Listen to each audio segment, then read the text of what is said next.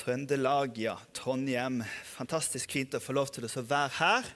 Og eh, en ære og en glede å være i Betel Trondheim igjen. Dette er vel en av de menighetene jeg har besøkt mest siden jeg fikk æren av å ta over eh, ledelsen for Pinsebevegelsens lederråd i 2020. Det fikk jeg lov til å gjøre i hele to og en halv måned før pandemien begynte. Så det har vært en ganske interessant reise. Eh, men eh, vi står på etter beste evne. I Bergen, der hvor jeg er pastor, så merker vi at vi er litt ned i oppmøtet. Det har jeg ingen problemer med å si. Mange av de som hadde kommet til tro på Jesus de årene før pandemien begynte, ikke hadde et nettverk i kirken. Mange av de eh, har vi ikke fått tak i og, ikke klart å følge opp. Så vi jobber eh, hardt og mye. Det er godt med barn i søndagsskolen. Det er masse studenter og unge voksne og familier. Men vi, vi, eh, vi, er ikke der vi var før pandemien. Og det hører jeg også fra mange, spesielt bymenigheter rundt omkring i, i Norge. Menigheter som er litt mindre og ute i distriktene, har det, har det litt enklere. Og Forklaringen er ganske enkel. Hvis man har sånne familienettverksmenigheter hvor mange kjenner hverandre, så passer man på å komme tilbake. Men ofte er det slik at når man ikke har relasjonene, så, så skjer det ikke i så stor fart og i så stor grad. Det vi skal gjøre i løpet av de neste minuttene, dere, det er at vi skal snakke under noe som jeg, en tittel som jeg har sagt eh, 'Hvor er du i ditt liv med, med, Herren. Og Vi er jo veldig glad for at uh, deres pastor Erlend Indegård her har vært, uh, har vært er tilbake her. Og nå vet jeg at du er her, men du er jo en sånn pastor du også, som er litt sånn både her og der. Når jeg var ungdomspastor i Tabernaklet Bergen, så, så, skrev de på, på websiden så skrev de, han er en hyrde man må lete lenge etter. Fordi at det, det, traff jo, det traff jo sånn passe, da. Eh, og han mellomste sønnen min han spurte en gang når han kom hjem hva er det du driver med egentlig når du er på disse pastorsferiene dine. Eh, for det at Vi pastorer vi kan være litt sånn overalt. Eh, men i livet deres, i et sånt rom som dette, så, så, så stiller vi litt Vi stiller likt i denne klokketimen, men vi stiller ulikt på hvor vi er i livet. Noen er på et bra sted. Andre opplever en tid av konflikt eller av sykdom. Noen opplever sterk tro og at dette er gode dager. Andre opplever tvil. Og Jeg har lyst til å snakke til oss alle sammen i dag rundt nettopp det. Hvor er du i ditt trosliv? Og jeg håper i løpet av de neste minuttene å kunne oppmuntre oss alle sammen til at Herren han har en vei med utgangspunkt i det stedet som du og jeg befinner oss på i dag. Vi skal ta utgangspunkt i tre enkle spørsmål fra Bibelen. Det første spørsmålet det finner vi i Edens hage. Da hørte de lyden av Herren Gud som vandret omkring i hagen i den svale kveldsbrisen. Og Mann og kvinnen de gjemte seg for Herren Gud blant trærne i hagen. Men Herren Gud ropte på mannen og sa, 'Hvor er du?' Helt siden skapelsens begynnelse har dette spørsmålet runget gjennom menneskehetens eh, historie og eh, eksistensforståelse. En Gud spør 'Hvor er du?' Du. Og Det som skjedde like før spørsmålet 'Hvor er du?' kom, var at kvinnen valgte, mannen spiste, og de to de opplevde seg nakne fordi at de fikk av kunnskapens tre en kunnskap som gjorde at de måtte gå og gjemme seg. De gjemte seg i skyggene fordi at de skammet seg. De gjemte seg i skyggene fordi at de hadde gjort noe som de ikke nødvendigvis ville omvende seg fra med en eneste gang. Hvor er du? Treffer noen av oss på det stedet i vårt liv hvor vi gjemmer oss, og hvor vi ikke nødvendigvis er så raske å komme Gud i møte. Det var en ny pastor til en menighet. Han hadde kommet til en ny menighet, og han kom en lørdags formiddag på husbesøk. Han kom til et hjem. Han skjønte at det var folk hjemme. Ingen banket på. Han eh, skjønte at det var folk hjemme, så han la igjen en liten lapp på døren der, hvor han skrev åpenbaringen 3.20. Dagen etter var det søndags formiddagsgudstjeneste. Samme lappen dukka opp i kollektbøssen med tilføyelsen fra, eh, fra åpenbaringen 3.20. I Første Mosebok 3.10 eh, der eh, står det Pastoren skriver dette lørdags formiddag. Se, jeg står for døren og banker. Hvis noen hører min røst og åpner døren, vil jeg komme inn til ham og holde nattverd med ham og ham med meg. Men tilføyelsen fra første, fra nei, fra første Mosebok 3.10 lyder jeg hørte stemmen din i hagen, men jeg var redd, for jeg var naken, og gjemte meg. Vi pastorer vi opplever veldig mye spesielt i vårt arbeid. Og noen av tingene snakker vi høyt om, andre ting forteller vi bare med litt glimt i øyet.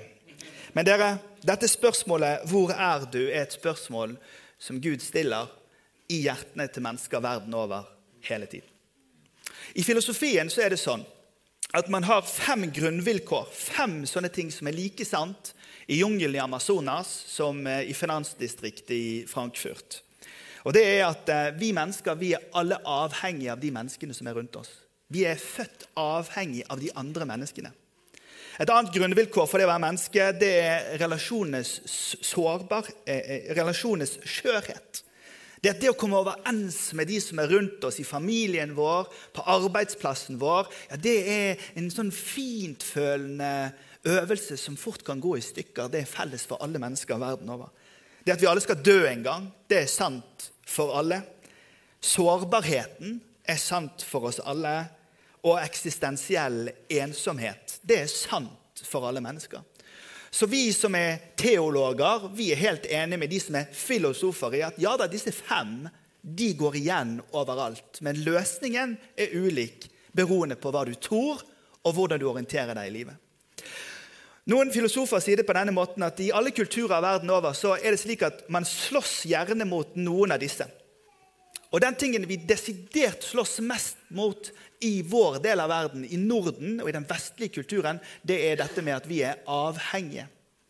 De siste tiårene har nettopp eh, kampen for personlig frihet blitt nesten likestilt med kampen for uavhengighet. Så hele vår kultur er gjennomsyret av denne ideen om at vi må passe på at hvert enkelt individ klarer seg helt selv. Så vi får nøkkel rundt halsen når vi er åtte, mobiltelefon når vi er ti, vi sparer til leilighet fra vi er små, og vi passer på at alle skal ha lik inntekt, fordi at ingen skal bli avhengig av noen andre. Vi har marinert oss i forestillingen om at det er mulig for oss mennesker å være helt uavhengig. Og Hvis vi da tar med oss den tenkningen, 13 år med skolegang, hvor vi ble fortalt at Gud ikke fins, og at ikke vi ikke trenger noen andre i livet, ja, da smitter det over også på vår holdning til religion og livssyn. Når Gud spør 'Hvor er du?', ja, da er det ganske mange av oss som springer og gjemmer oss og tenker at eh, 'jeg skal eh, i hvert fall ikke ha hjelp ifra deg'. 'Jeg skal ikke ha hjelp ifra noen andre enn meg selv'. Det andre spørsmålet som jeg har lyst til å trekke oppmerksomhet til her i innledningen, det er et spørsmål som profeten Elia fikk. Profeten Elia er jo en av gigantene i Det gamle testamentet. og de som kjenner sin bibelhistorie, vet at Elia hadde en fantastisk manifestasjon av Guds eh, storhet og kraft på Karmelfjellet. Det, bålet var søkkvått som en god junidag i Bergen. Eh, og eh, Det var nesten umulig å sette fyr på det, men Herren sendte ild. Han var i stor seier, men umiddelbart etter så var Elia under en gyvelbusk i ørkenen. Og Historien er ganske dramatisk, fordi han sitter under en gyvelbusk. og og de som har på seg eh, eh, brillene av eh, moderne psykologi og psykiatri, de vil nok kunne si at han var nok dypt deprimert på det tidspunktet der. Han sa 'Nok er nok, Herre. Ta mitt liv. Jeg er ikke bedre enn mine forfedre'. Han befant seg i en dyp depresjon og i et stort mørke. Og han tenkte jeg jeg finner ikke livskraft til å leve videre. Det er over det som jeg kjenner på her inne. Og Så spør Gud han dette spørsmålet. Hvorfor er du her? Og det spørsmålet 'Hvorfor er du her?' Jeg vet ikke om du har stilt det til deg sjøl eller den du er gift med, eller dine barn, eller noen som du har et forhold til. Det spørsmålet som handler om ja, men du, se, det går jo så godt her, men du føler her. Ja, men det, Dette kan du være glad for, men allikevel. Noen ganger i livene våre så kommer denne, dette mørket, denne opplevelsen av å være offer for det som skjer rundt oss, denne følelsen av avmakt og motløshet, den kan nå oss alle sammen i livet. Men godt er det da at han som er skaper, han som er seierherre, han kommer med et spørsmål. Ikke i en tone av anklage, men i en tone av håp. Og så sier han, 'Hvorfor er du her?' Det tredje spørsmålet det finner vi i Jesu avskjedstale til sine disipler.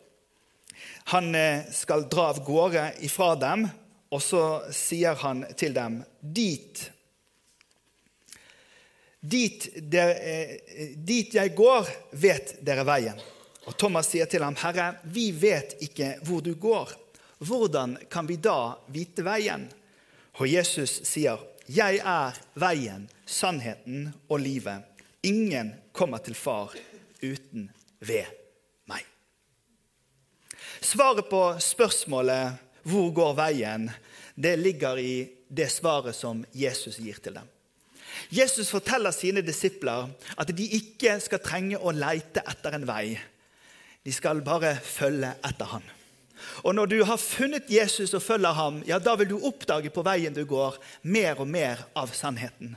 Og det som er så fantastisk, det er det at når den sannheten blir oppdaget, ja, så oppdager man hva det virkelige livet er. Det fins bare én vei gjennom livet for alle i Trøndelag, og det er ikke E6. Det er Jesus. Fordi at når vi går på den veien, så oppdager vi mer og mer av sannheten, og så får vi mer og mer av livet. Og Jeg vil at du skal bruke dette som en tankekart nå i løpet av de neste minuttene. Jeg har lyst til å snakke med deg rundt spørsmålet Hvor er du i livet ditt? Hvor er du i forhold til sannheten, og hvor er du i forhold til den eh, veien som handler om det kristne disippelskapet? La oss eh, se på det. Hvor er du i livet? Jeg eh, traff en, eh, en, ung mann her som mener å ha sett meg på et ungdomsmøte her i 2005 eller 2006. Jeg tror første gang jeg var på besøk her i Betel Trondheim, da var på 90-tallet en gang. når jeg husker ikke hvem som var pastor her. Men altså, jeg har jo vært innom dette stedet, og jeg føler på en måte at livet det går ubegripelig fort for oss. Gjør det ikke det? Altså, De sa til oss når vi hadde små barn ta vare på hver dag. Det går fort. Så tenkte jeg livet går ikke fort, men jeg går fort. Så det som skjedde forrige dagen med meg, det var at jeg kom hjem fra Afrika. Sitter fremme i et fly fra Gardermoen, og så er det et spedbarn som skriker bak i flyet. Så jeg reiser meg opp og Så går jeg bak og så sier jeg til flyvenninnen som sto der og, og pratet med henne, si til den moren at den babyen kan skrike hvor mye han bare vil. Det gjør ingenting for oss som er i fly. Og umiddelbart så roet babyen seg. Det var en vanskelig dag for meg, akkurat det der. Fordi da skulle jeg hjem til et tomt hus.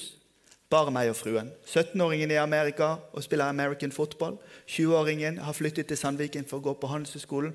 Og 23-åringen hun går på lærerskolen og skal gifte seg til neste år. Og plutselig har jeg blitt en sånn som opplever at livet går veldig fort. Hvordan skal vi forstå dette livet? Det er en intellektuell mann som heter Romano Guardini. Han har en glimrende måte å legge ut livsløpet på. Han mener at et liv består av åtte livsstadier, og alle sammen avsluttes av en krise. Første livsfase ifølge Romano Guardini det er eh, tiden i mors mage. Tiden i mors mage er jo den beste tiden, spesielt for oss gutter. Fordi det er, du, du får, det er varmt hele tiden. Du slipper å lage mat selv. Det er alltid eh, pirbader ikke sant, inni der. Det er vann rundt der hele tiden. Eh, og, eh, og, eh, og, du kjører gratis på bussen. Alt er perfect. Men det som skjer, det er det at første, den første livsfasen avsluttes av krisen av å bli født. Og som jeg skryter av til mine europeiske kollegaer vel, Å føde i deres land er én ting, men norske kvinner dere, de føder med barn som er født med ski på beina. Så det er mye mer krise hjemme hos oss enn der ute. Så introduseres livsfase to, som er barndommen. I barndommen så lærer vi av mor og far. Vi lærer ved observasjon. Mor sier nei, far sier ja. Og så går man gjennom og, og, tar etter det som mor og far sier og gjør. Og så ender vi opp med, i, eh, rundt i 14-årsalderen, eh, krisen eh, av puberteten. Og Det som skjer i krisen av puberteten, det er at for gutter for eksempel, de oppdager at det er dobbelt så mange mennesker på planeten som de hadde trodd. For plutselig så ser de jenter. Ikke sant? Eh, og og eh, de som husker Trond-Viggo Torgersen Han var jo barne... Han var jo sånn eh, Han var, jobbet jo som sånn Hva heter det for noe av det der? Barneombud, og han er lege og sånn. Han, han sa på 90-tallet at ungdom det er hullet mellom voksne og barn som går med boblejakke. Eh, altså, Kunnskapen vår om dette stadiet Men dette er et krevende sted å være. Det er et krevende sted, og det er enda mer krevende nå enn det var før. Før så var det en del ting som var bestemt. Nå forteller vi dem som er unge, at de skal bestemme alt selv. Derfor så blir det veldig relevant, det som Søren Kirkegård sier, filosof og teolog. Mye valg, mye angst. Det er ikke rart at vi har en ungdomsgenerasjon som har mange spørsmål når plutselig alt skal bestemmes av den enkelte. Så går man inn i, i, i sent i tenårene og inn i 20-årene, og jeg mener det, det er de beste årene i, i livet. Det er så herlig å få lov til å være en idealist. 20-årene de er jo de der idealistiske årene. ikke sant? Hvis du snakker med politiske ungdomsparti sant? På ene siden så er det noen som sier at liksom, ja, ja, ja, til, ja til naturen. Oi! Alle trærne i skogen skal få en klem på kvelden. Og eh, nattasang. Altså, ungdoms, eh, ungdomspartiene for miljø det er liksom, det er ikke, altså, eh, brenn, alle, brenn alle dieselbilene i hele verden. Så, og, og for, ungdoms, for, ungdomspartiene så er alt mulig, men også for oss med troende når vi er unge.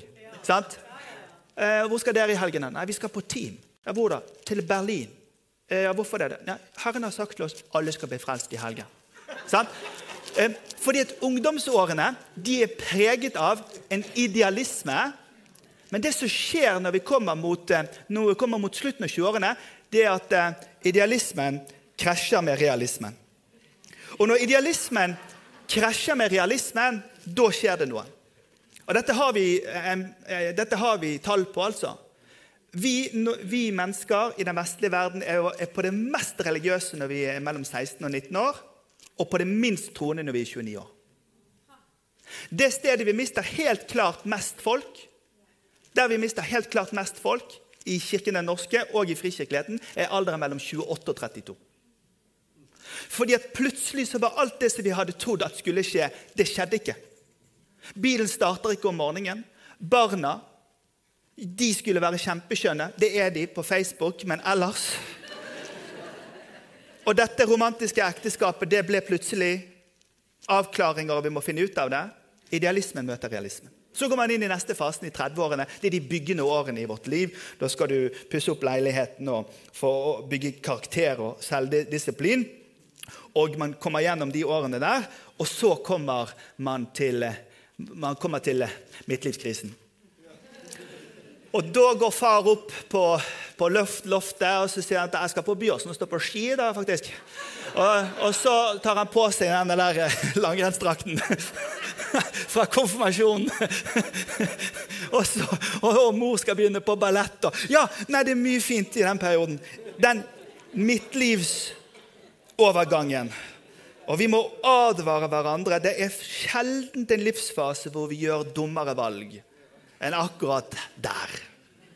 Da er det om å gjøre å ikke impulskjøpe lengre bobil. ikke si opp jobben på fredag klokken to. Det er om å gjøre å bare holde ut og holde fast. Så går du inn i 50-årene. 50-årene er fantastisk, har jeg hørt. Det ligger foran meg fortsatt. Og da går man inn i modenhet og perspektiv, og så avsluttes den fasen av krisen av å gi slipp. Det er krevende.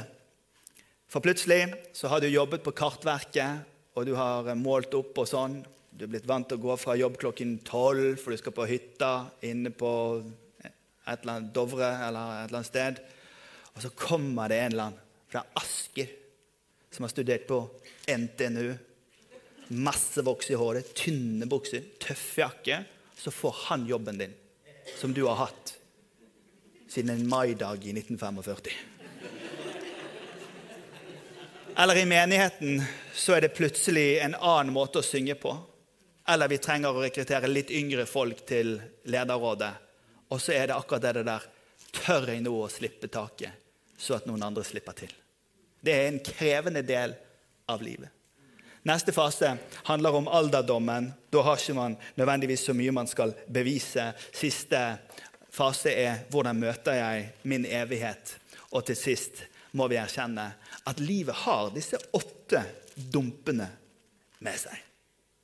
Og Det handler om den som tror og den som ikke tror, opplever at livets ulike stadier bærer med seg livets ulike utfordringer. Og Jeg har lyst til å forkynne tro inn i deg i dag og så si det at når du går igjennom disse tingene, så er ikke det noe galt med deg. Det er livets gang som tar oss inn i disse tingene. Er Av og til så er det hjernen vår, og så er det følelsene våre, og så er det kroppen vår, og så er det det som skjer rundt oss. Og i alt dette så når Gud fram til oss med noen spørsmål. Det første spørsmålet er Hvor er du? For du vet, når, når spørsmålet 'Hvor er du?' treffer oss, og vi har lagt oss til at 'Nei, jeg skal klare dette selv', ja, så blir det litt dragkamp mellom meg og deg og vår Herre når Han forsøker å få oss ut i lyset igjen, så at vi kan komme opp på veien. Og Noen av oss opplever at disse dumpene her, de har kjørt oss helt ut i grøfta. Vi blir liggende et sted langs veien. Og det var de som gjorde det med meg. Derfor er jeg her.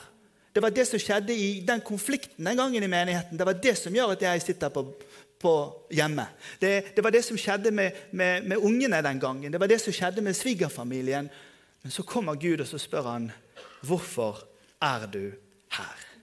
Med en omsorgsfullt spørsmål, et ønske om at du og jeg skal komme opp på veien og velge å følge etter Jesus. Det første spørsmålet jeg stiller, altså, det er 'Hvor er du i livet?'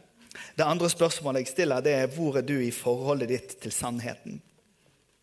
Vi har en uh, ung mann i kirken vår. Uh, han, uh, han, var veldig forelsket i Bodil. Og Bodil skulle gå på bibelskole i Australia. Og han var ikke en kristen. Han heter Stig. Jeg har lov til å fortelle denne historien. Han er stril. Stril betyr at du bor en rotur borte fra Bergen. Så de som er rundt bergensområdet gamle dager var det et litt sånn nedlatende ord. Nå er det en hedersbetegnelse. Du er stril. Stig er stril. Reiste til Australia, kan ikke knapt engelsk, er forelsket i Bodil. Er ikke kristen. Blir med på gudstjeneste i Hillsong Church. Og en dag så blir han kristen. Og han er en introvert, stille Stig. Stril. Veldig stille. Men når han blir frelst, så skal han fortelle dette til meg. Så sier han, jeg, jeg ble frelst. Jeg ble så glad jeg, når jeg ble frelst, at jeg gikk bort til en mann jeg ikke kjente, og klemte han. Og jeg gikk til og med bort og klemte en stolpe i kirka der. Altså, Mannen ble altså så totalt berørt av noe utenfor seg selv som møtte ham på en slik måte at fordi det møtte ham, så blir han inntatt av en ny sannhet. Frank Rossavik han eh, er kommentator nå i Aftenposten. Tidligere var han i mange av de store avisene i landet vårt. Men En gang så skrev han en artikkel med tittelen eh, eh, 'Hva om religion likevel gir noen svar?' Og der sier han Jeg har truffet menn som var narkomane og kriminelle, og som så møtte Jesus. Som deretter fikk sitt liv på skinner, slik at de nå er familiefedre med jobb og sinnsro. Det er en eh, form for mirakel som eh, selv ikke Nav kan bevirke. Trolig heller ikke om etaten engang fungerer. Artig poeng.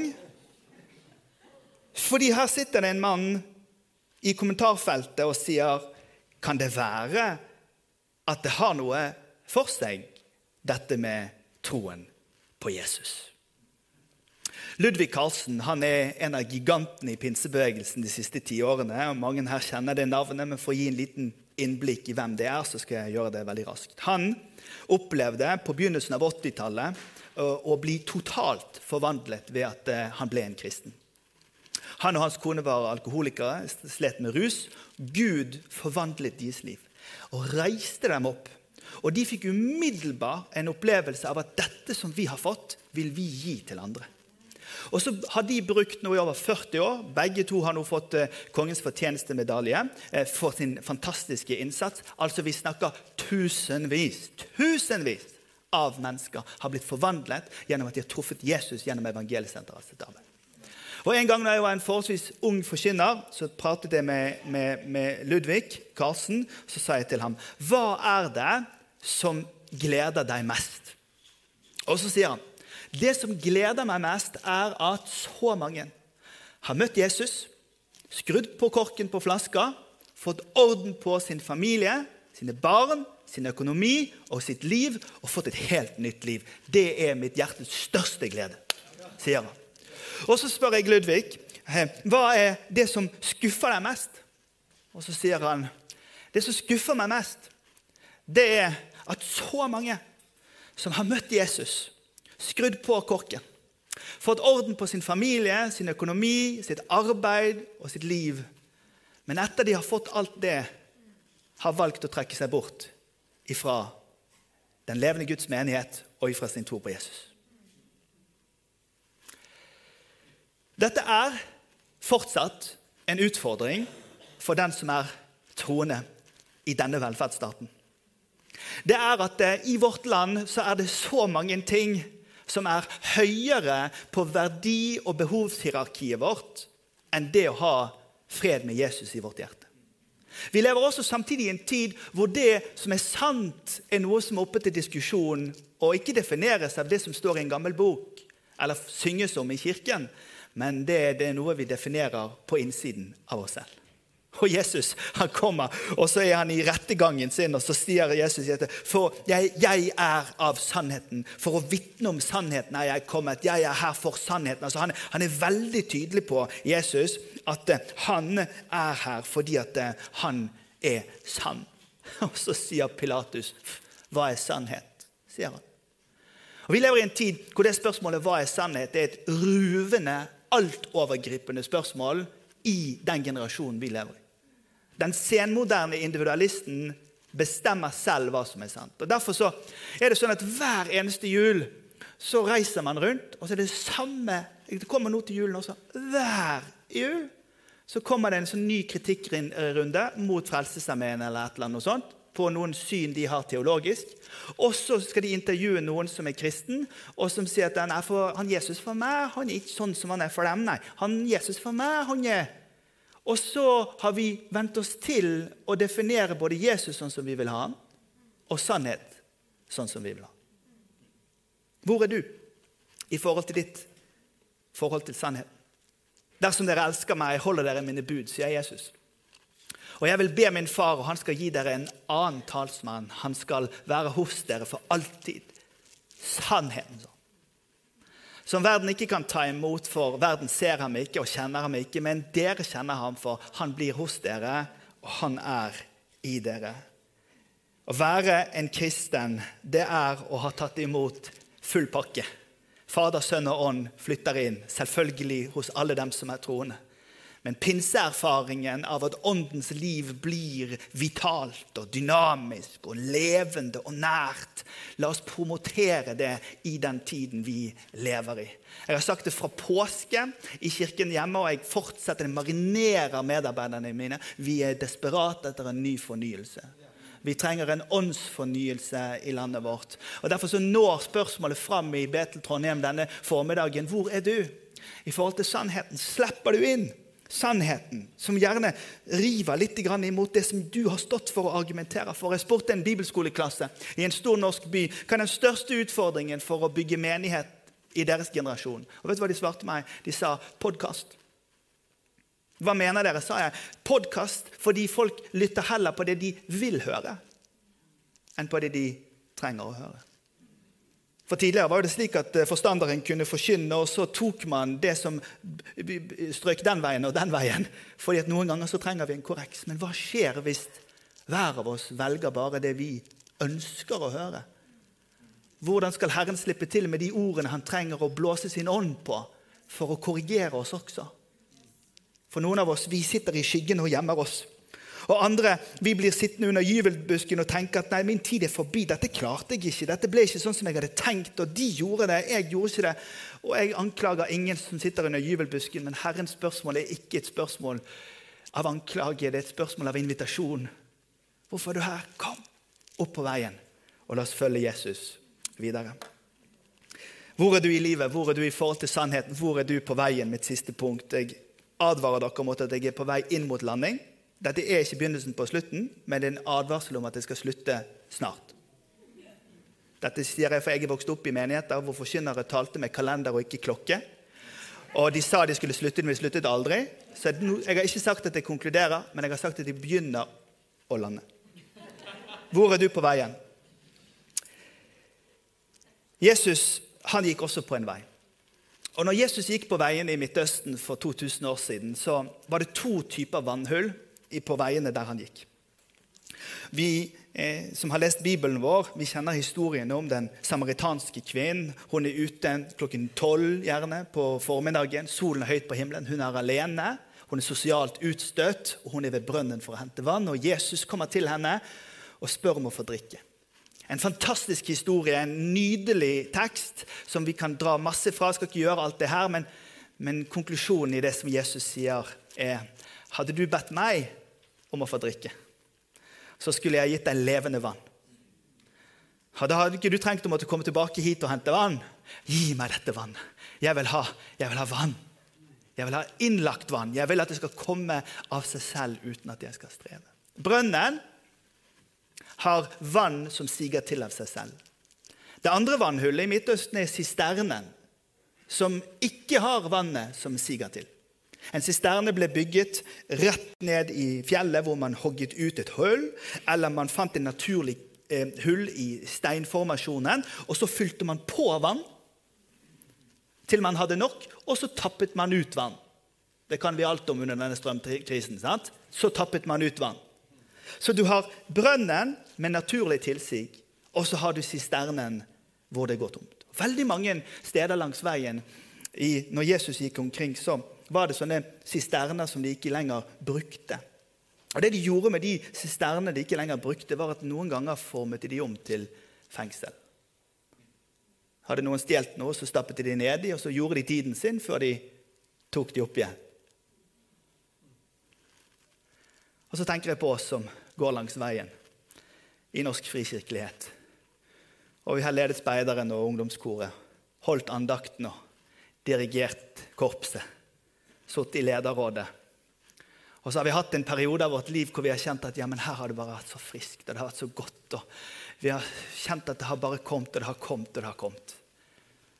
Og så er det andre tider hvor vi føler at nå har vi vært på alfakurs så mange ganger.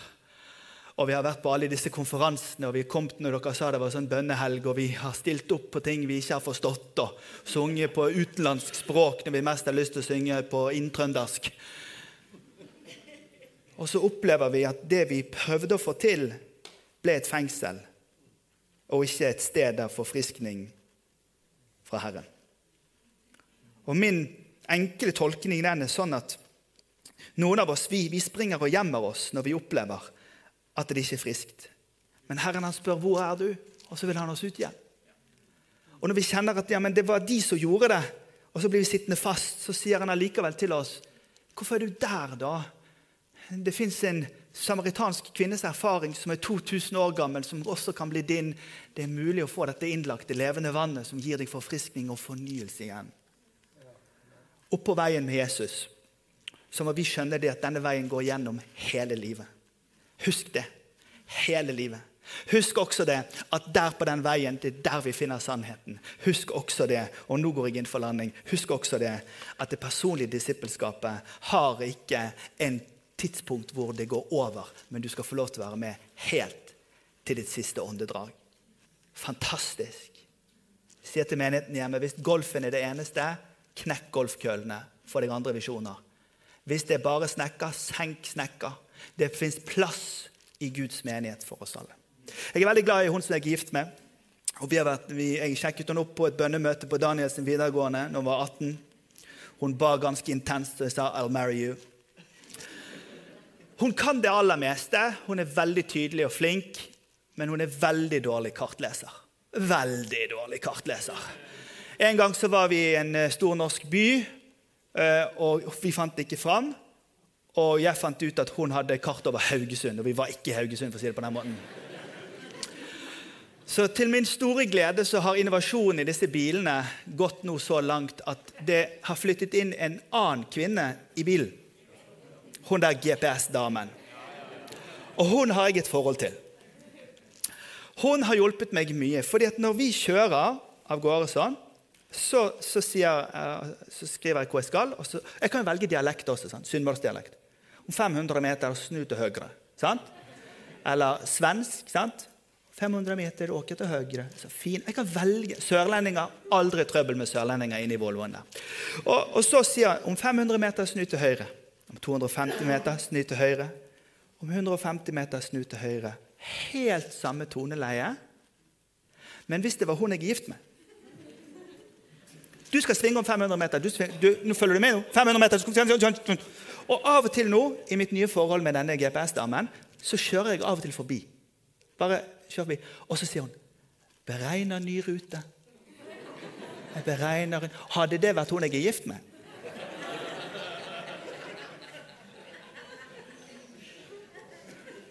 Men det er det Den hellige ånd gjør i våre liv. Den hellige ånd han beregner en ny rute for oss. Kjære Betel Trondheim. Denne menigheten er over 100 år gammel. Menigheten er til enhver tid de menneskene som er i menigheten. Og Hans veiledning og hans rettledning til oss den er ferskvare.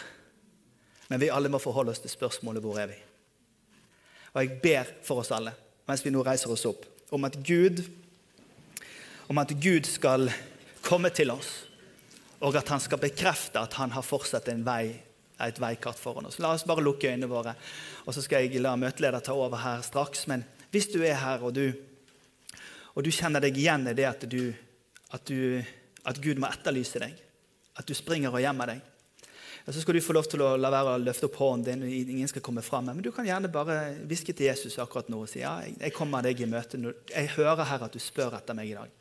Kan legge hånden din på hjertet ditt eller ta hånden din fram. Gjør et eller annet som bare viser det. Ja, men jeg, jeg er villig til å høre Jesus, at du etterspør meg. Herre, jeg ber for alle som gjemmer seg i, i skyggene her, og som skammer seg, og som opplever at at, eh, at det det finnes en gjenstridighet igjen i forhold til ditt spørsmål. Takk at i din milde røst i dag formiddag er Hvor er du? Kom, kom og følg etter meg. Herre, så ber jeg for de herre som sitter under juvelbusken med Elia i dag formiddag. Herre, som har opplevd at livet har fart ille med dem. Som opplever at skuffelsene og sårene og helsesituasjonen og omstendighetene har vært så, så kjipe at det har ført til, til opplevelsen av å bare bli satt i ro. Takk, Hellige Ånd, at du kommer med din milde røst i dag formiddag og sier til oss Hvorfor er du her? Kom, følg meg. Og så ber jeg for hele Betel Trondheim nå, for hver enkelt mann og kvinne, gutt og jente i dette rommet. Hellige Ånd, jeg ber at vi skal få lov til å gå på veien, få mer og mer av sannheten og erfare dette fantastiske livet som det er, og følge deg, Jesus. Og til det sa alt folket. Amen. Hei, og takk for at du har sett på eh, en tale fra Betel Trondheim. Nå kanskje du sitter igjen med spørsmål og et behov for å snakke med noen. Da er du hjertelig velkommen til å ta kontakt med oss. Du er også hjertelig velkommen til å komme og ta del av gudstjenestene vår, eller det som skjer i ungdomsarbeidet eh, i kirka vår. Jeg tenkte at jeg hadde lyst til å avslutte med å lyse Herrens velsignelse. Så vær så god, ta imot. Herren velsigne det og bevare det. Herren la sitt ansikt lyse over det og være det nådig. Herren løfte sitt åsyn på det og gi det fred.